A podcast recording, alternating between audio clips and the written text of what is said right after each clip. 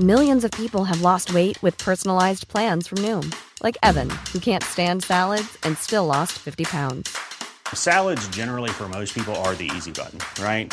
For me, that wasn't an option. I never really was a salad guy. That's just not who I am. But Noom worked for me. Get your personalized plan today at Noom.com. Real Noom user compensated to provide their story. In four weeks, the typical Noom user can expect to lose one to two pounds per week. Individual results may vary. I'm Sandra, and I'm just the professional your small business was looking for. But you didn't hire me because you didn't use LinkedIn jobs. LinkedIn has professionals you can't find anywhere else, including those who aren't actively looking for a new job but might be open to the perfect role, like me. In a given month, over 70% of LinkedIn users don't visit other leading job sites. So if you're not looking on LinkedIn, you'll miss out on great candidates like Sandra. Start hiring professionals like a professional. Post your free job on linkedin.com slash achieve today.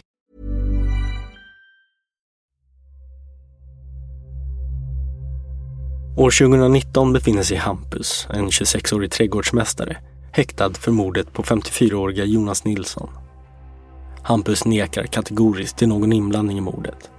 Han insisterar på att han inte befann sig på platsen vid tiden för brottet och att han inte vet någonting om vad som har hänt. Ja, men det, min klient han hävdar att han är oskyldig och då är det naturligtvis att åtalet ska ogillas. Men sen händer något annorlunda.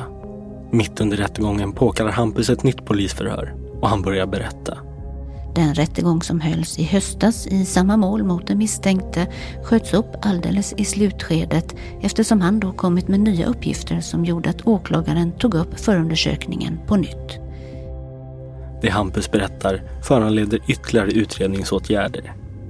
För Hampus, han riktar mordmisstankarna åt ett helt annat håll. Sen vet du ju också att, att um, orsaken till att du hörs här idag det är ju för att uh, Hampus har uh, berättat att du och, och, och han och skulle ha umgåtts den här kvällen. Och att ni bland annat skulle ha åkt iväg med bilen. Vad har du att säga om det? Du lyssnar på Rättegångspodden och på del två av mordet i Vallby. Mitt namn är Nils Bergman.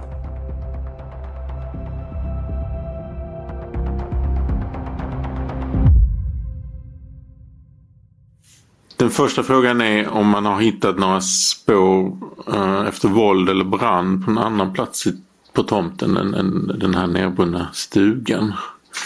Nej, inte utifrån de undersökningarna vi har gjort. Så hittade vi något sådant. Vi tittade i bostaden och även runt om på tomten där enligt den här kartan som fanns i protokollet. Och det finns ingen, man har inte sett någon brand någon annanstans? Nej. På, på, på tomten då? Nej. Vi hör kriminalteknikern Jonathan Lomman. Han förklarar att det funna blodet vid brottsplatsen låg mellan den utbrända stugan och platsen där kroppen påträffades. Och dessutom var blodmängderna inte så stora som man skulle förvänta sig med tanke på Jonas omfattande knivskador. Det som skulle kunna gjorts förstås, det är att det är två personer som har lyft kroppen dit. Mm. Och då avsätter man ju inga släpspår. Eh, det vi också gjorde var det att vi hittade, det fanns ett litet parti med lera i eh, det här området med kvistarna. Och eh, eh, där fanns det ett avtryck som såg konstigt ut, som vi reagerade på. För det såg inte ut som vad vi vanligtvis bedömer som skoavtryck eller något annat. Och vid närmare undersökningar så gjorde vi avtryck med eh, den tröjan som satt på kroppen.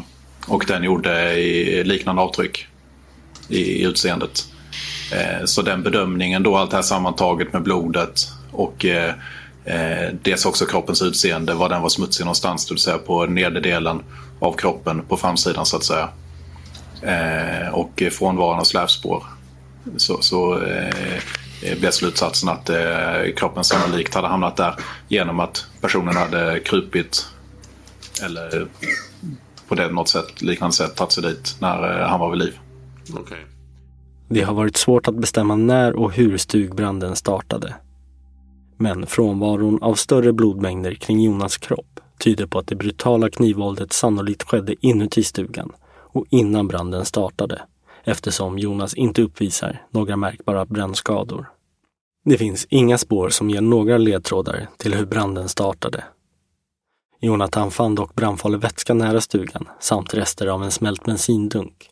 Även om detta i sig inte är något bevis eftersom stugan användes som ett förråd där bensindunkar och en gräsklippare redan fanns. Under den kriminaltekniska undersökningen av den utbrända bilen hittar man, förutom ett stort antal märkliga lappar med referenser till änglar och demoner, även en jacka med blod på insidan och en tröja med blod på utsidan. Och det visar sig att det här blodet härstammar från Jonas. Vi gjorde bedömningen att eh, en person klädd i de här kläderna hade sannolikt hanterat eh, en, den här kroppen med en blödande skada. Mm. Eh, då han inte hade på sig jackan utan bara på sig tröjan. Och sen därefter satt på sig jackan utanpå och på det sättet så kan blodet ha hamnat på eh, jackan. Mm. Det omvända kan också ha skett. Det innebär att på något sätt så har det hamnat blod på insidan av jackan. Och sen sätter man på det på tröjan. Och därefter smittade blodet av på tröjan.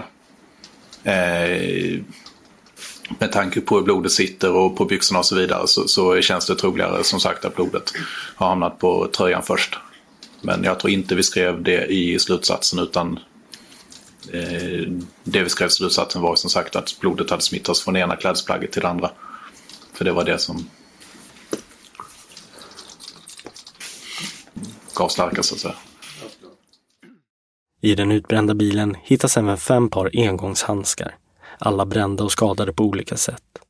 Dessutom påträffas skor och strumpor i bilen, varav strumporna och skosulorna är blodiga. Blodet hade hamnat i skorna på grund av eh, att man hade satt ner sina blodiga strumpor i skorna. Eh, på fötterna så att säga. Med andra ord, att man har gått in på brottsplatsen i blod. Eh, men sen eh, eh, och satt på sig skorna. Men det kan också ha varit så att när man tar de blodiga strumporna och trycker ner dem i skorna så kan de ha avsatt blodet på det sättet. Det är oklart om blodet har kommit dit genom att en person först gått barfota i blodet på brottsplatsen och sedan överfört det till strumpor och skor, eller om det har hamnat där på något annat sätt. Det troligare scenariot det är att en person har gått inne i blod, mm. eh, fått blod på strumporna och sen stoppat ner de här blodiga strumporna i, med fötterna på då, i skorna. Mm. På det sättet avsatt blod på insidan av skorna. Eh, det var så vi resonerade.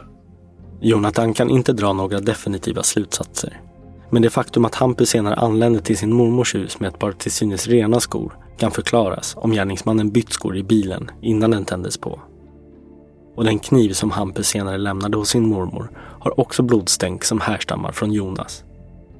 Baserat på dessa resultat från NFC, som kopplar Hampus till brottsplatsen genom fynd av blodmanskläder i hans bil och på den kniv han hade, börjar åklagaren samla på sig starka bevis. Vittnesmål om Hampus agerande under dagen pekar också mot att han är gärningsmannen. Dessutom visar det sig att Hampus och Jonas hade intensiv kontakt via sms och Messenger under denna period. I slutet av september 2019 väcks åtal mot Hampus. Sveriges Radio rapporterar. En 26-årig man åtalas nu misstänkt för mord i Vallby utanför Simrishamn i februari i år. Då hittades en man död vid ett nedbrunnet uthus och enligt åtalet så ska den 26-åriga mannen då ha knivhuggit sitt offer och anlagt branden i uthuset medan offret fortfarande var vid liv. Den åtalade mannen har suttit frihetsberövad sedan mordet inträffade den 5 februari. Emma Wik, P4 I början av oktober inleds tingsrättsförhandlingarna mot Hampus Itander som står åtalad för mord. Då är det förhör med Hampus Itander.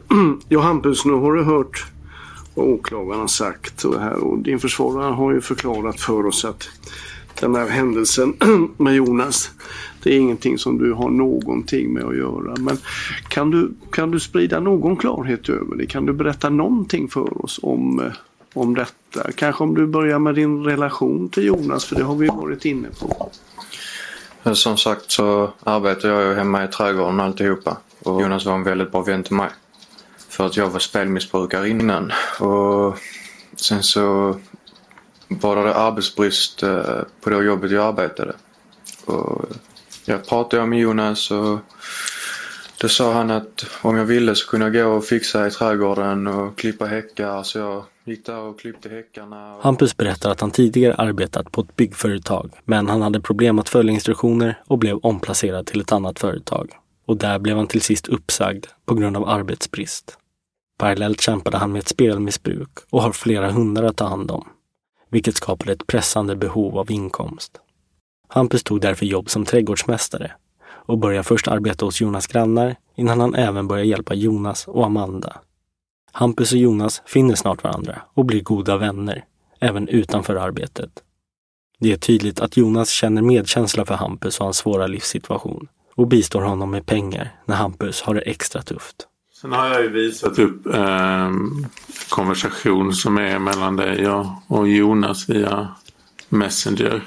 Mm. Eh, från söndagen den 27 januari och sen fram till den 5 februari här. Kan du, kom du ihåg vilka kontakter ni hade under den här perioden? Nej, alltså. Både jag och Jonas är glädjespridare, eller vad man Mm. ska säga. Och vi tycker om när människor ler. Och båda två tycker om att hjälpa människor.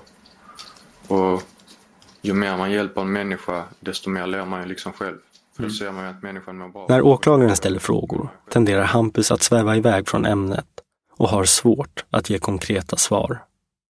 Åklagaren pekar dock på att Hampus och Jonas hade ganska frekvent kontakt via sms och Facebook veckorna före mordet. Några dagar innan mordet, den 2 februari, följde även Jonas med Hampus till läkaren. Ja, vi var på sjukhuset. Ehm, kan du berätta varför ni var där? För att jag hade blivit våldtagen. Okej. Och när hade det hänt? Jag uttrycker mig inte om det. Hade det hänt tidigare eller? Jag vill tyvärr inte prata om det. Nej, okej.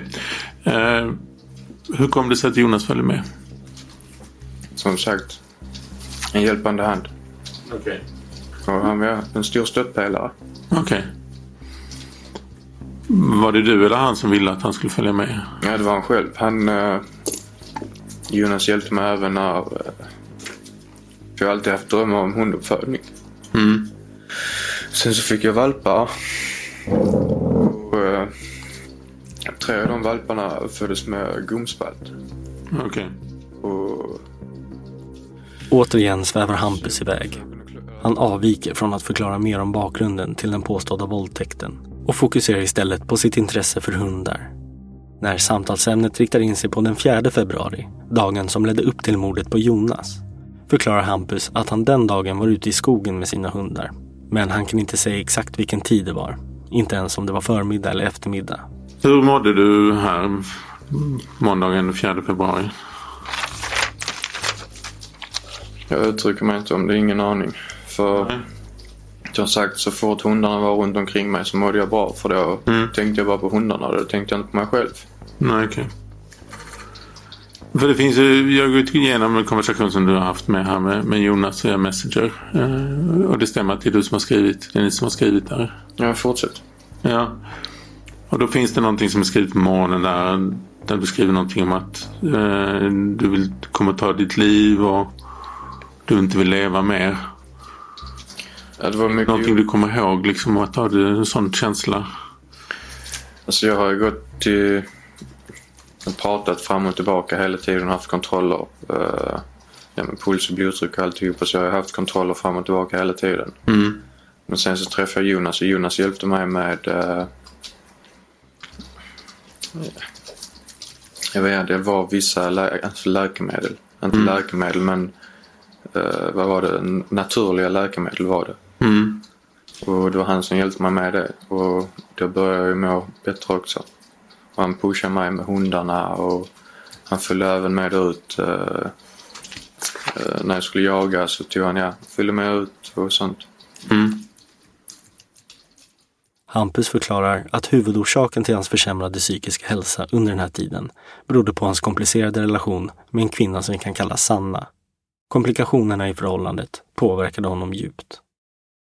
När åklagarens frågor börjar bli mer specifika och fokuserar på Hampus aktiviteter steg för steg under måndagen samt hans kontakt med Jonas blir det uppenbart att Hampus blir allt mer tillbakadragen och tyst. Men han medger att det var han som på eftermiddagen besökte Jonas på hans arbete. Men han kom inte riktigt ihåg vad de pratade om.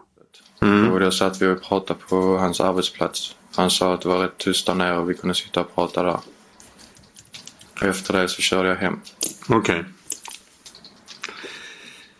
Hur länge var du där ungefär? Kommer du ihåg det? Ingen aning, det var nog bara en liten kort stund. Mm. Och vad var det ni pratade om då? Jag uttrycker mig inte om det. Du vill inte berätta varför du inte vill berätta vad, vad ni pratade om? Jag har ingen aning. Eller jag uttrycker mig inte om det. Nej, okej. Okay.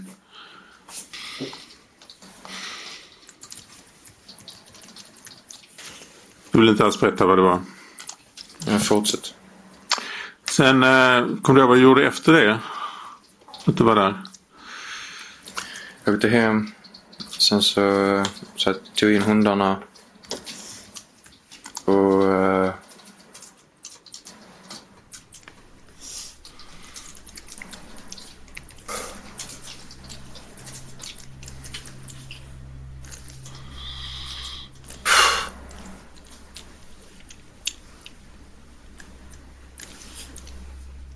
Frågan om vad Hampus gjorde efter mötet med Jonas på hans arbetsplats möts av lång tystnad.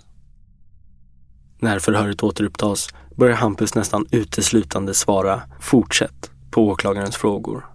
Han verkar inte vilja utveckla något åklagaren frågar om. Har du någon minne av att du åker och besöker Jannik hemma hos honom på kvällen? Fortsätt. Men du, när du säger fortsätt menar du att du inte vill svara på frågorna då? Eller hur ska jag tolka det? Ja, fortsätt. Okej. Okay. Har du varit och besökt eh, Jonas Nilsson sent på kvällen den fjärde? Fortsätt. Februari. Du vill Fortsätt. inte berätta om du var där eller inte? Fortsätt. Vad händer med den telefonen som du har här den här kvällen? Ingen aning, jag vet inte vilken telefon jag har haft.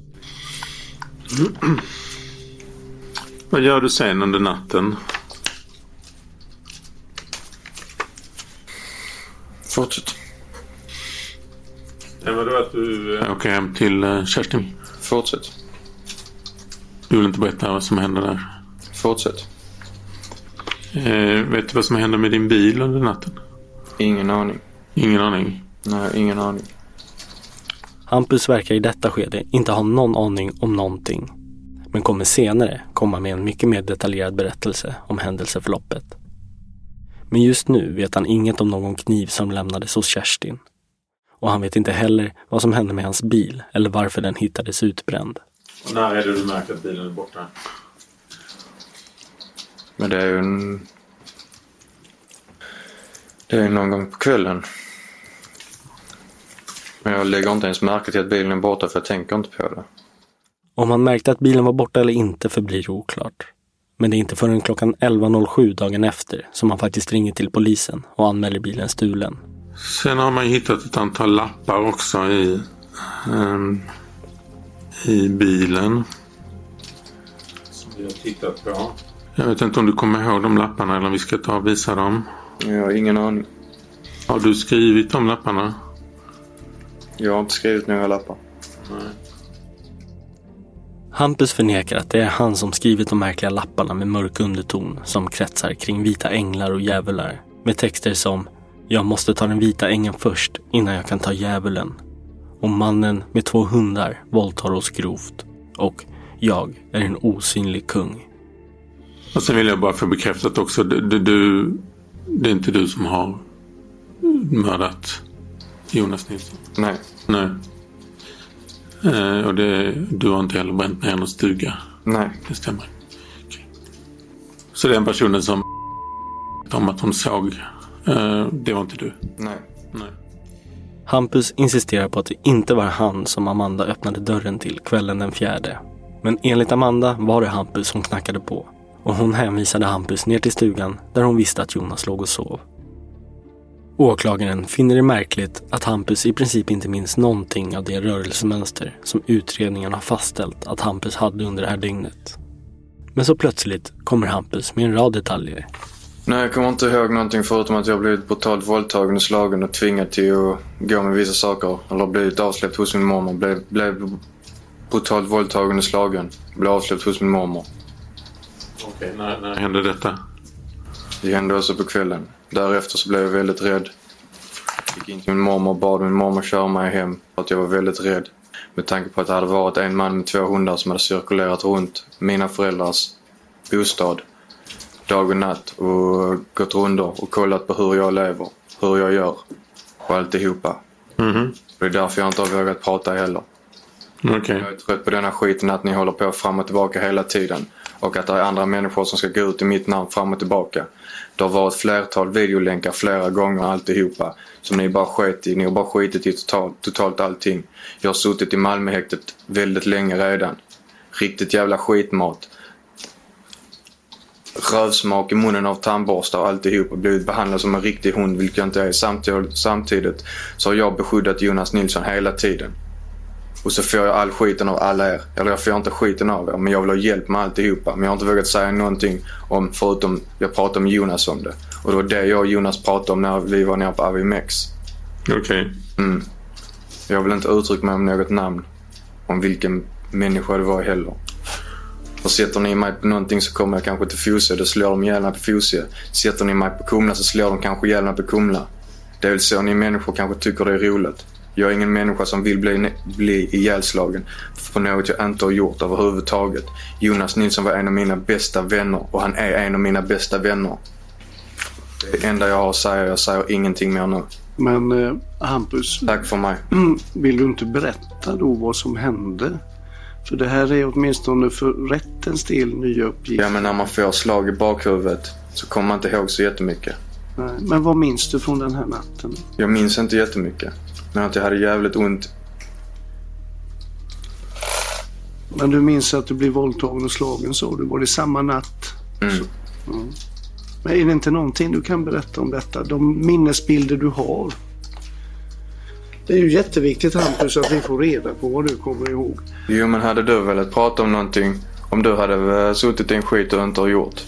Jag hade Och varit- du hade blivit... Om du jag hade... ska svara dig Hampus. Hade jag varit misstänkt för ett så allvarligt brott som mord så hade jag nog berättat det jag visste. Men jag har berättat det jag vet. Okej, okej. Jag ger ordet till åklagaren igen. Tack. Men det här som hände dig, hände det samma natt? Ja. Ja. Hände det samma natt? Jag har uttryckt mig redan om det. Åklagaren noterar att Hampus nu plötsligt nämner att den påstådda våldtäkten, som han tidigare sagt skedde veckan innan, nu skedde samma natt som Jonas dog. Och det här stämmer inte överens med att Hampus samtidigt säger att våldtäkten var vad det han och Jonas pratade om på Jonas arbetsplats. Vilket alltså skedde dagen innan Jonas dog. Okej, jag, jag har lite svårt att förstå jag när det här väldigt- skulle ha hänt. Ja, ja, ja men jag, det har jag också väldigt... Jag säger inte mer. Jag har redan sagt mitt. Du sa att du hade pratat med Jonas om det på AVMX, men det var ju dagen innan då, den här natten. Jonas satt och kollade andra saker. Om ni vet vilken Jonas Nilsson är så vet ni vad Jonas Nilsson ville beskydda. För om Jonas Nilsson är en sak som ingen annan vill veta och det är det han vill beskydda. Och om han, om han har bett en beskyddare beskydda de sakerna. Om en annan människa har gått rundor, kollat rundor på Jonas Nilssons hela familj. Det enda jag gör det är att beskydda Jonas. Och så är det, är det jag som kanske får skiten för någonting jag inte gjort när det är jag själv som blivit våldtagen och slagen. Vilket Jonas redan vet om också. Och även ni känner av Jonas runt omkring er så sluta snacka skit istället. Jag känner inte Jonas alls. Det är därför vi är här, för att vi ska få veta vad som har hänt. Jag har inte gjort Jonas någonting och det vet du om.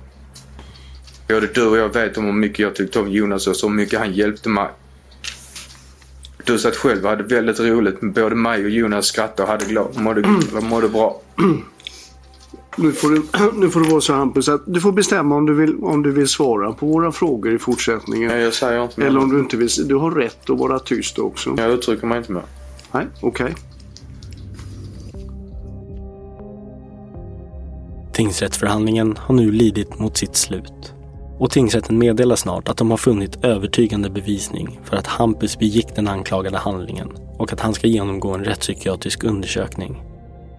Men något oväntat och ovanligt händer nu. Efter det här beskedet begär Hampus att återigen få bli hörd av polisen. Han vill nu berätta vad han vet om hur mordet gick till. Så åklagaren får helt enkelt besluta om att komplettera förundersökningen och undersöka dessa nya uppgifter som Hampus kommer med. Men efter kompletteringen av förundersökningen beslutar åklagaren den 11 mars 2020 att lägga ner förundersökningen med motiveringen att det saknas anledning att anta att de personer som Hampus pekat ut har begått något brott överhuvudtaget.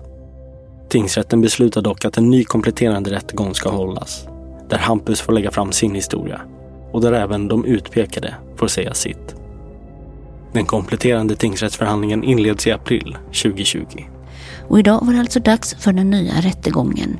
Under inledningen så yrkade åklagaren, som medverkade via länk, återigen på att den misstänkte var ansvarig för mordet, medan försvararen nu uppgav att den misstänkte hade varit på platsen den aktuella natten, men att han inte hade dödat mannen. Vi hör försvararen Johan Länström. Ja, min klient han vidhåller vad han har sagt tidigare, att han förnekar att det skulle vara han som har gjort det här brottet. Och vad har ni då för alternativ förklaring? Det är någon annan som har gjort det och eh, min klient vet vem det är och han kommer att berätta om det.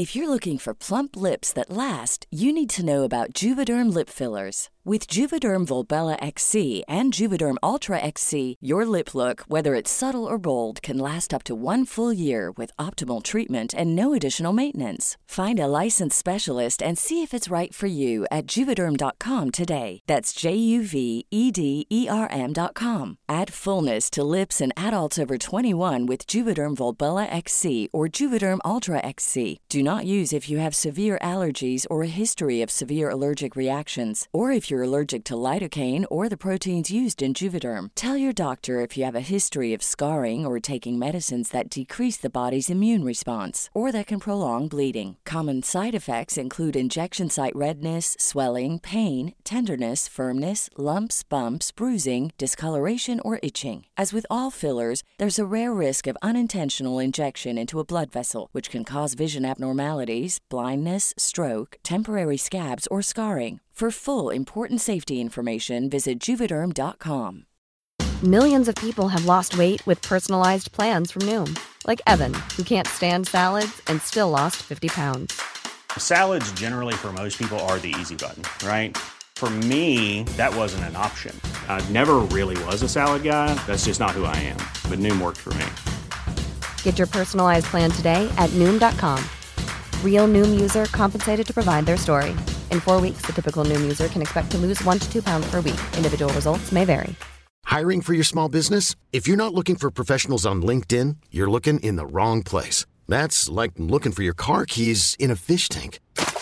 LinkedIn helps you hire professionals you can't find anywhere else, even those who aren't actively searching for a new job but might be open to the perfect role. In a given month, over 70% of LinkedIn users don't even visit other leading job sites. So start looking in the right place. With LinkedIn, you can hire professionals like a professional. Post your free job on linkedin.com slash achieve today.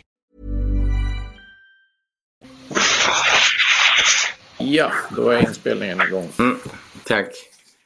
När den nya rättegången startar är det en helt annan version av Hampus vi får höra.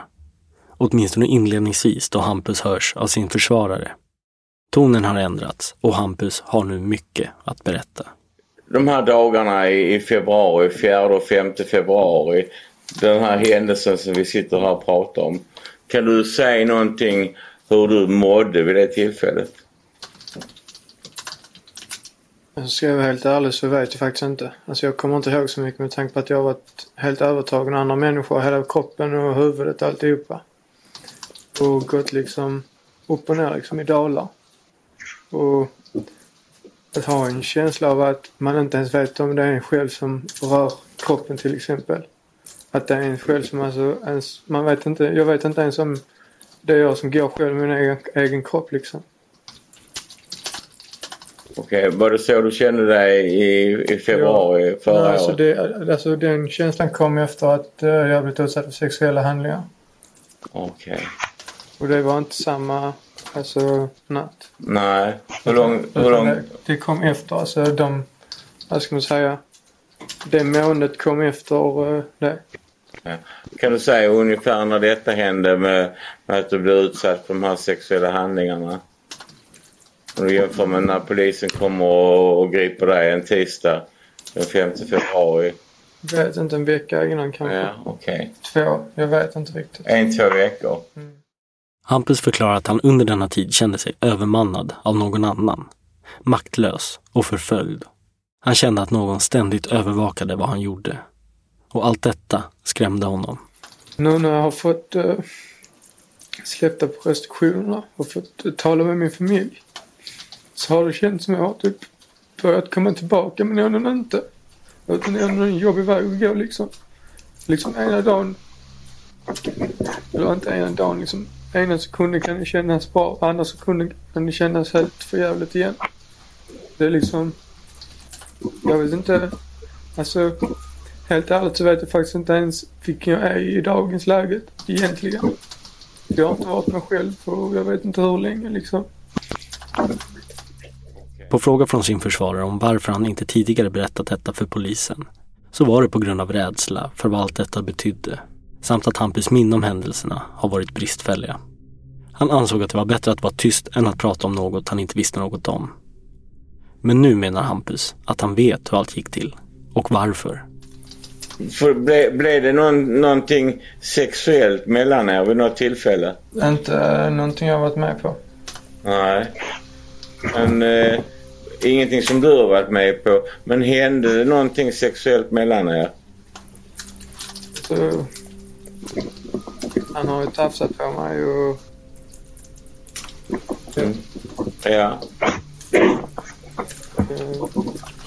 Och, och hur reagerade du när han gjorde det? Ja, jag, alltså, jag sa ju ifrån. Och det var då vi började bråka. Mm. Uh, ja, det. Ja. Det finns inga konkreta bevis i förundersökningen som styrker det Hampus nu berättar om. Men detta är hans version av varför saker och ting blev som det blev. Jag vet inte hur jag ska uttrycka mig. Ah, Okej, okay. men du behöver inte säga mer utan... Men berättade du detta för någon att han hade tafsat på dig? Mm. Mm, Vem var det du berättade för? Min och morbröder. Okej, okay. och vad heter de? Emil Anton. Kan du säga ungefär när det var du berättade för dem om den här, vad Jonas hade gjort? Det var väl i samma dag. Samma dag som Jonas dog? Mm. Men du, hur reagerade de då? Emil och Anton när de fick höra om detta? Ja, alltså Emil brusade mig upp och sen så bestämde vi oss tillsammans att vi skulle köra ut och slå honom. Och då gick eh, de två ner mot stugan. Och uh, jag gick runt alltså mot dörren och så kollade liksom dörren och kollade runt om i trädgården. Höll uppsikt liksom. Men vad, vad, vad är planen att man ska göra med Jonas? Ja, det var bara slå honom. Ja. Och vem var det som skulle slå honom? Jag vet inte. Jag vet. Var det du? Nej. Det var inte du, nej? Nej. nej. När du gick runt i trädgården, träffade du någon då? Det minns jag inte. Nej. Okej. Okay. Vad minns du vad som händer sen då? Nej, att uh, vi springer mot uh, bilen och sen så föser jag, alltså vad ska man säga, jag föser in dem i bilen igen. Ja. Sen så jag kör, uh, åker jag Eh, vart kör ni hen någonstans? Några av dem.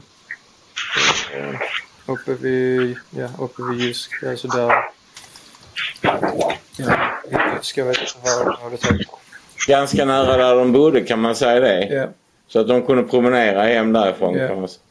Okej. Okay. Och, och du och var, kommer du ihåg var ni tog vägen? Jag körde ner och sen tände jag eld på bilen. Okej. Okay. Nere i Tobisvik eller? Ja. Okej. Okay. Skildes du och åt där i Tobisvik då? Ja. Okej. Okay. Vart tar du vägen efter Tobisvik? Jag gick upp till mormor. Till Emil, Emil och Anton också? Ja. ja. Kommer du ihåg vad som händer när du kommer dit där? Nej, jag gick in på toaletten och satt för att jag skulle gå på toa. Mm. Och det var inte det var, det var liksom inte förrän då jag såg att kniven låg på handflaskan. Okej, okay, okej. Okay. En kniv låg på handfatet över vätskan ja. ja. Okej. Okay. Den, den, kniven, hade du sett den kniven tidigare någon gång? Alltså jag vet inte. Alltså det, jag vet inte om den har legat i bilen eller var den har kommit ifrån. Okej. Okay. Det är alltså Hampus morbröder, Anton och Emil, som han nu pekar ut som gärningsmän. Hampus menar att efter att han berättat för dem att Jonas begått övergrepp på honom blir de upprörda. Ytterligare en kompis ska ha varit med vid detta tillfälle och det planerades en hämndaktion mot Jonas. Så Hampus, Anton och Emil och kompisen ska enligt Hampus kvällen den fjärde satt sig i bilen för att åka hem till Jonas. Det är vid detta tillfälle som han knackar på hos Jonas och då Amanda öppnar dörren och träffar honom. Men Hampus vet inte vad som sen händer Jonas. Mer än att Anton, Emil och kompisen också var där. Troligtvis har de då gjort något mot Jonas. Och plötsligt finner sig Hampus i bilen igen. Kompisen kör hem Emil och Anton medan Hampus och kompisen åker och bränner upp bilen. Efter det tar han sig till Anton och Emil igen och upptäcker då kniven som redan ligger i badrummet.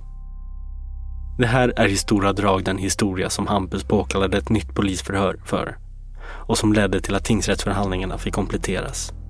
Åklagaren utredde detta spår men fann inga som helst bevis eller något som styrkte på att Anton, Emil och kompisen varit delaktiga i mordet på Jonas överhuvudtaget. Så åklagaren har några ytterligare frågor till Hampus. Nej, okej. Och um, sen förstår jag att Anton och Emil är dina morbröder. Det stämmer? Mm. Hur mycket umgås du med dem innan, innan du greps? Inte mycket. Kom du ihåg varför du gick hem till dem den här kvällen? Jag minns inte. Vad är det du berättar att, att Jonas eh, ska ha gjort mot dig när du är hemma hos Det har jag mor?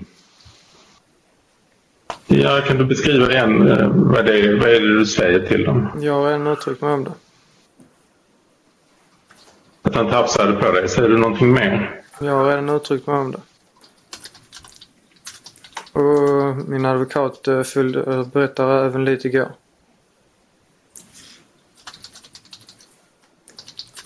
Du vill inte svara på min fråga då, om, om vad du sa till Jag har dem? redan svarat på den. Återigen faller Hampus tillbaka i sin defensiva inställning när åklagaren ställer frågor och verkar inte alls vilja utveckla sin historia. Han hänvisar till det han tidigare har sagt. Hampus menar att relationen mellan honom och Jonas blir förstörd på grund av de närmanden som Hampus påstår att Jonas har gjort. Men det finns inget i undersökningen som egentligen tyder på det. Tonen i deras konversationer verkar oförändrad. Nej, för vi har ju sett en del konversation mellan er och där verkar ni vara väldigt tajta om man säger så. Att det är mycket kontakt och han hjälper dig med olika saker. Ja, alltså jag var ju glad för Jonas med tanke på att alltså, vi kunde skratta, le och uh, arbeta ihop liksom. Och liksom Mm. hjälp, hjälptes åt. Men det blev ju liksom i stort sett förstört liksom. Och av den konversationen som ni har på Messenger så verkar det som ni har en bra kontakt. Um, den här dagen och dagen innan och så. Um, han hjälper dig lite med din dator blir tackad och, och lite sånt. Um, så jag undrar, varför tyckte du att det var okej att hon skulle slå honom? Jag vet faktiskt inte. Men eh, när det är mångas testosteron i bilden så kan det ju bli lite annorlunda liksom.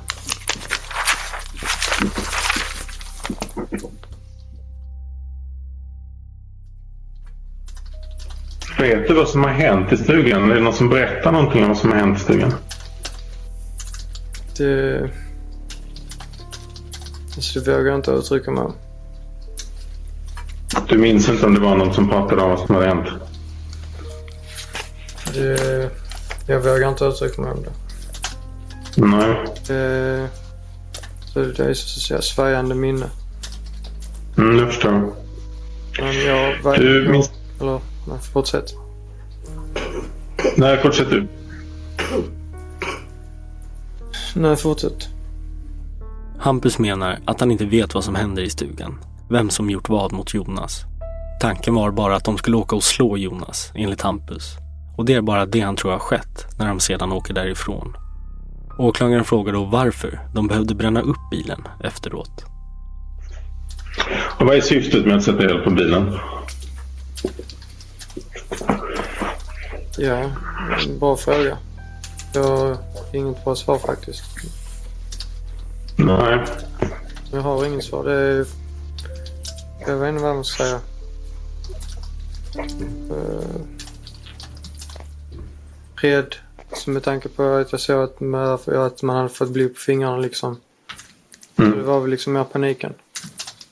Mm. Okej. Men om jag förstår det rätt så vet du inte i det här läget vad som har hänt Jonas? Nej. Nej. Det, Så du misstänker att någonting allvarligt har hänt eftersom det är blod men du vet inte vad och då blir du rädd och, så bestämmer ni er för jag har för mig, de- jag har för mig att någon av dem uttryckt sig i bilen men jag kommer inte riktigt ihåg vad de uttryckt sig om. Nej. Kommer du ihåg vem som gjorde det? Nej, det vet jag faktiskt inte. Det är, både rösten och utse, utseendena är rätt lika så det är lite svårt att säga liksom. Okej. Sen vet du ju också att, att um, orsaken till att du hörs här idag det är ju för att uh, har uh, berättat att du och, och, och han och, och Emil uh, skulle ha umgåtts den här kvällen.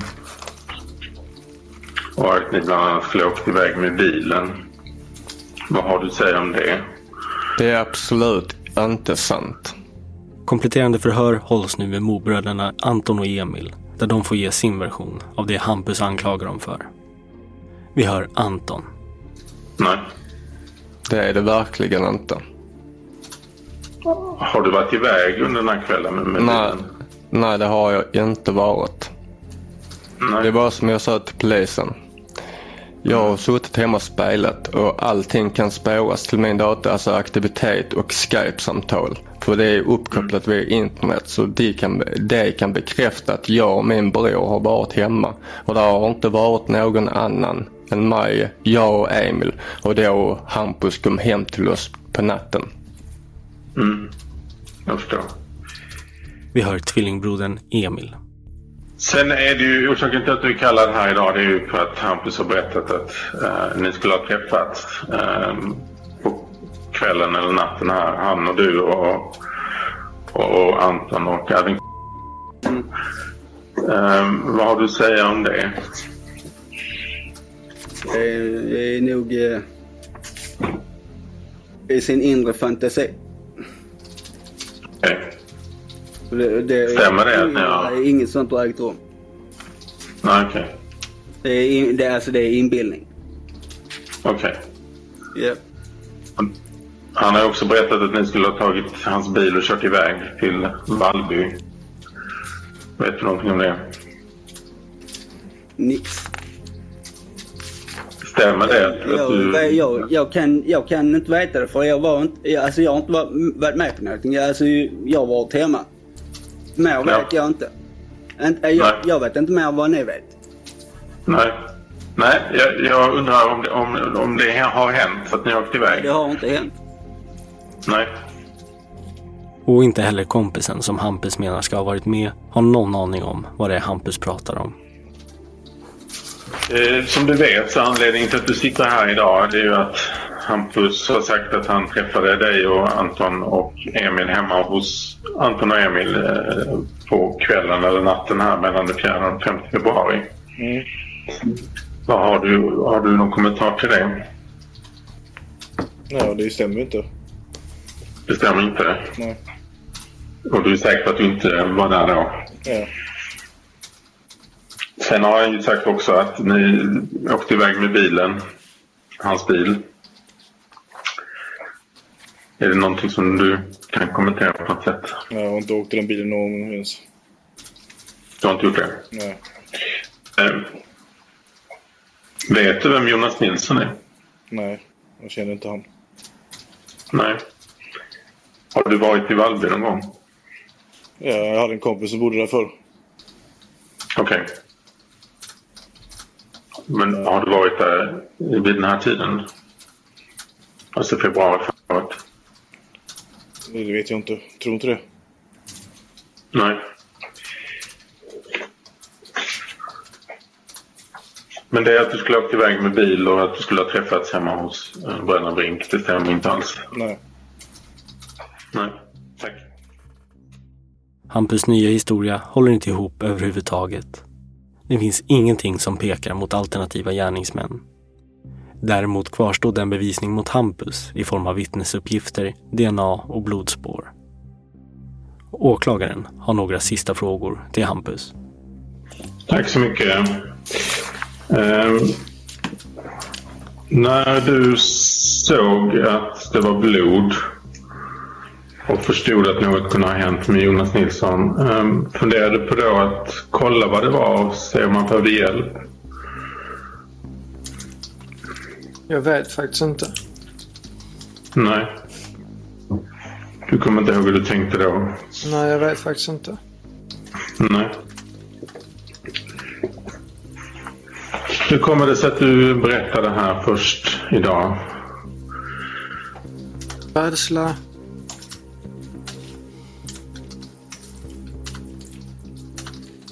Du har ju blivit hörd av polisen flera gånger och du har ju, jag har ju tittat på när du berättade förra gången inför tingsrätten. Vad är, det, vad är det du var rädd för? Nej, men det är bara rädslan liksom. Jag har, liksom, jag har inget bra svar. Det är rädslan liksom. Okej. Okay. Men har du varit hotad av någon eller? Nej, alltså. Det är liksom. Jag har inte mått bra liksom. Nej.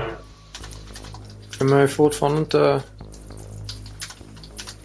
Som jag är lite bättre men jag är fortfarande långt ifrån bra.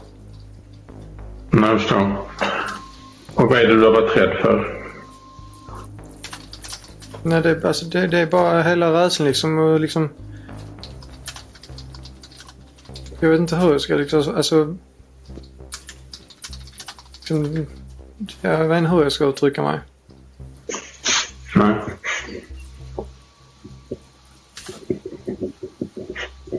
Och nu då? Är du inte rädd längre?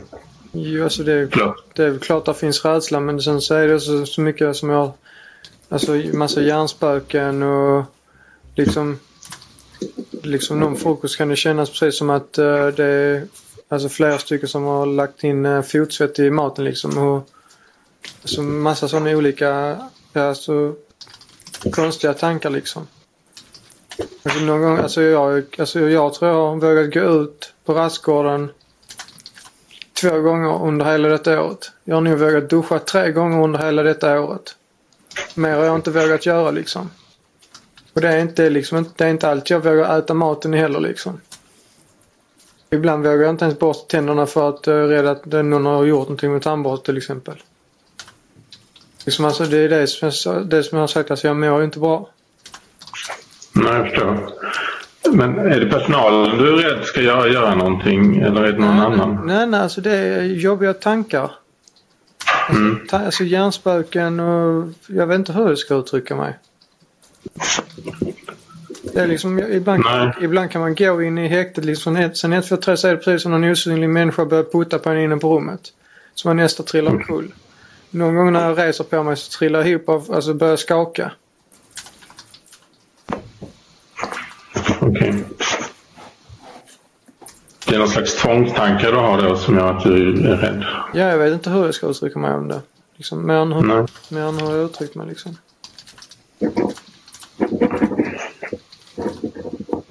Men det är inga speciella personer som du är rädda för utan det är en, en allmän känsla av att... Alltså, tankarna måste ju komma någonstans ifrån.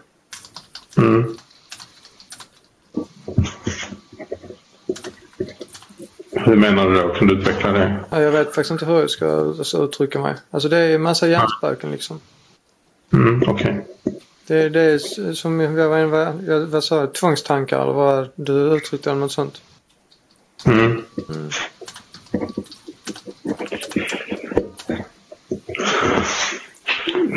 Det liksom... Det här... Nej, förlåt. Förlåt. Nej, vad skulle du säga? Nej, ingenting. Okej. Okay. Det här som du säger då att, att Emil och Anton skulle ha gjort eh, är väldigt allvarligt. Um, kan det vara så att det här också är någon form av hjärnspöken? Nej, inte vad jag vill, inte vad jag vill minnas liksom. Nej. Kan det vara en förklaring till att du inte har berättat tidigare? Att, eh, liksom... Vad är det för någonting? Att det är en minnesbild som har kommit nyligen? Nej, inte... Nej. Utan det är så här du har minst det från början då? Ja, så jag har ju berättat vad jag minns. Mm.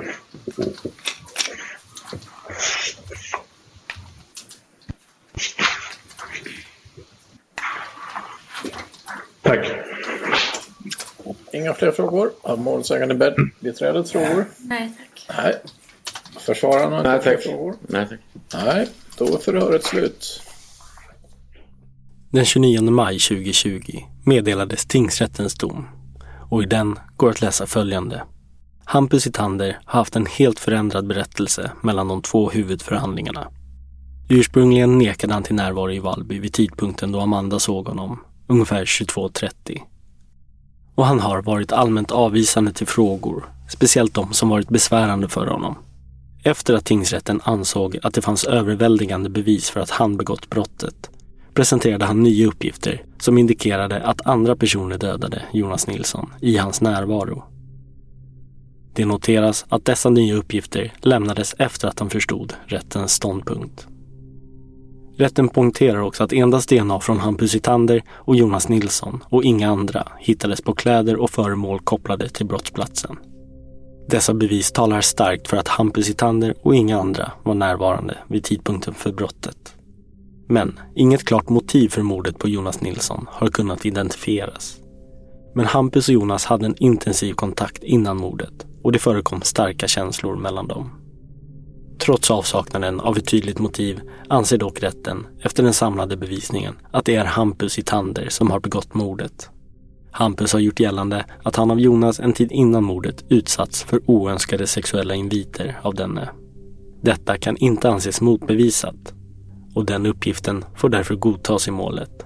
Även om inget i utredningen i övrigt tyder på att något sådant skulle ha lett till någon större missämja mellan dem under tiden närmast före mordet kan det inte uteslutas att någon sådan faktor kan ha utlöst ett våldsamt agerande från Hampus som sedan gått överstyr.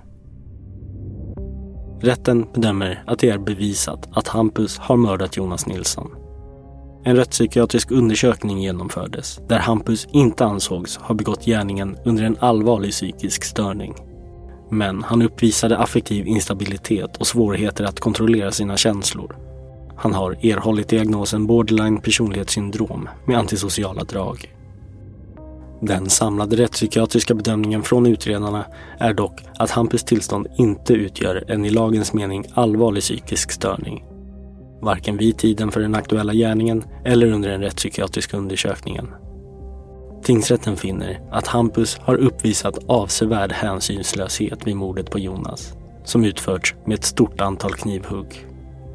Flera av dessa var livshotande i sig och utredningen antyder att Jonas, med begränsade möjligheter att försvara sig, kände stark dödsångest. Dessa omständigheter medför klart försvårande faktorer vid straffmätning. Motverkande detta är Hampus psykiska störning som innebär viss nedsatt impulskontroll. Sammantaget anser tingsrätten att dessa faktorer motiverar ett straff över normalstraffet på 14 års fängelse. Med tanke på Hampus psykiska tillstånd landar man i ett straff om 16 års fängelse. Sammantaget anser rätten att bevisningen visar att 26-åringen gjort sig skyldig till mord. Vi hör rättens ordförande, rådmannen Thomas Forenius. Vi har gått igenom hela utredningen som är mycket omfattande kan jag säga, inte minst den tekniska utredningen och kommit fram att åtalet är styrkt. Försvaret hade yrkat att 26-åringen, om han fälldes, skulle få rättspsykiatrisk vård. Men rätten valde alltså att döma till ett fängelsestraff. Rådmannen Thomas Forenius hänvisar här till både den rättspsykiatriska utredning som gjorts och till Socialstyrelsens rättsliga råds överprövning av den. De nämnda instanserna menar att det är inte fråga om en sån allvarlig psykisk störning att det föreligger förutsättningar för rättspsykiatrisk vård. Thomas Forenius, rådman på Ystad tingsrätt, Malin Tillin, P4 Kristianstad. Du har lyssnat på Rättegångspodden om mordet i Vallby. Mitt namn är Nils Bergman. Stort tack för att ni lyssnar.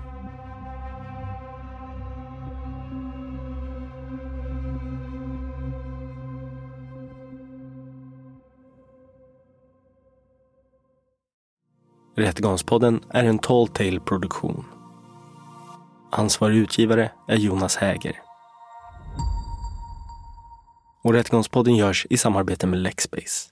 Ange rabattkoden Rättegångspodden när du blir ny betalande medlem på lexbase.se och få tre kostnadsfria domar.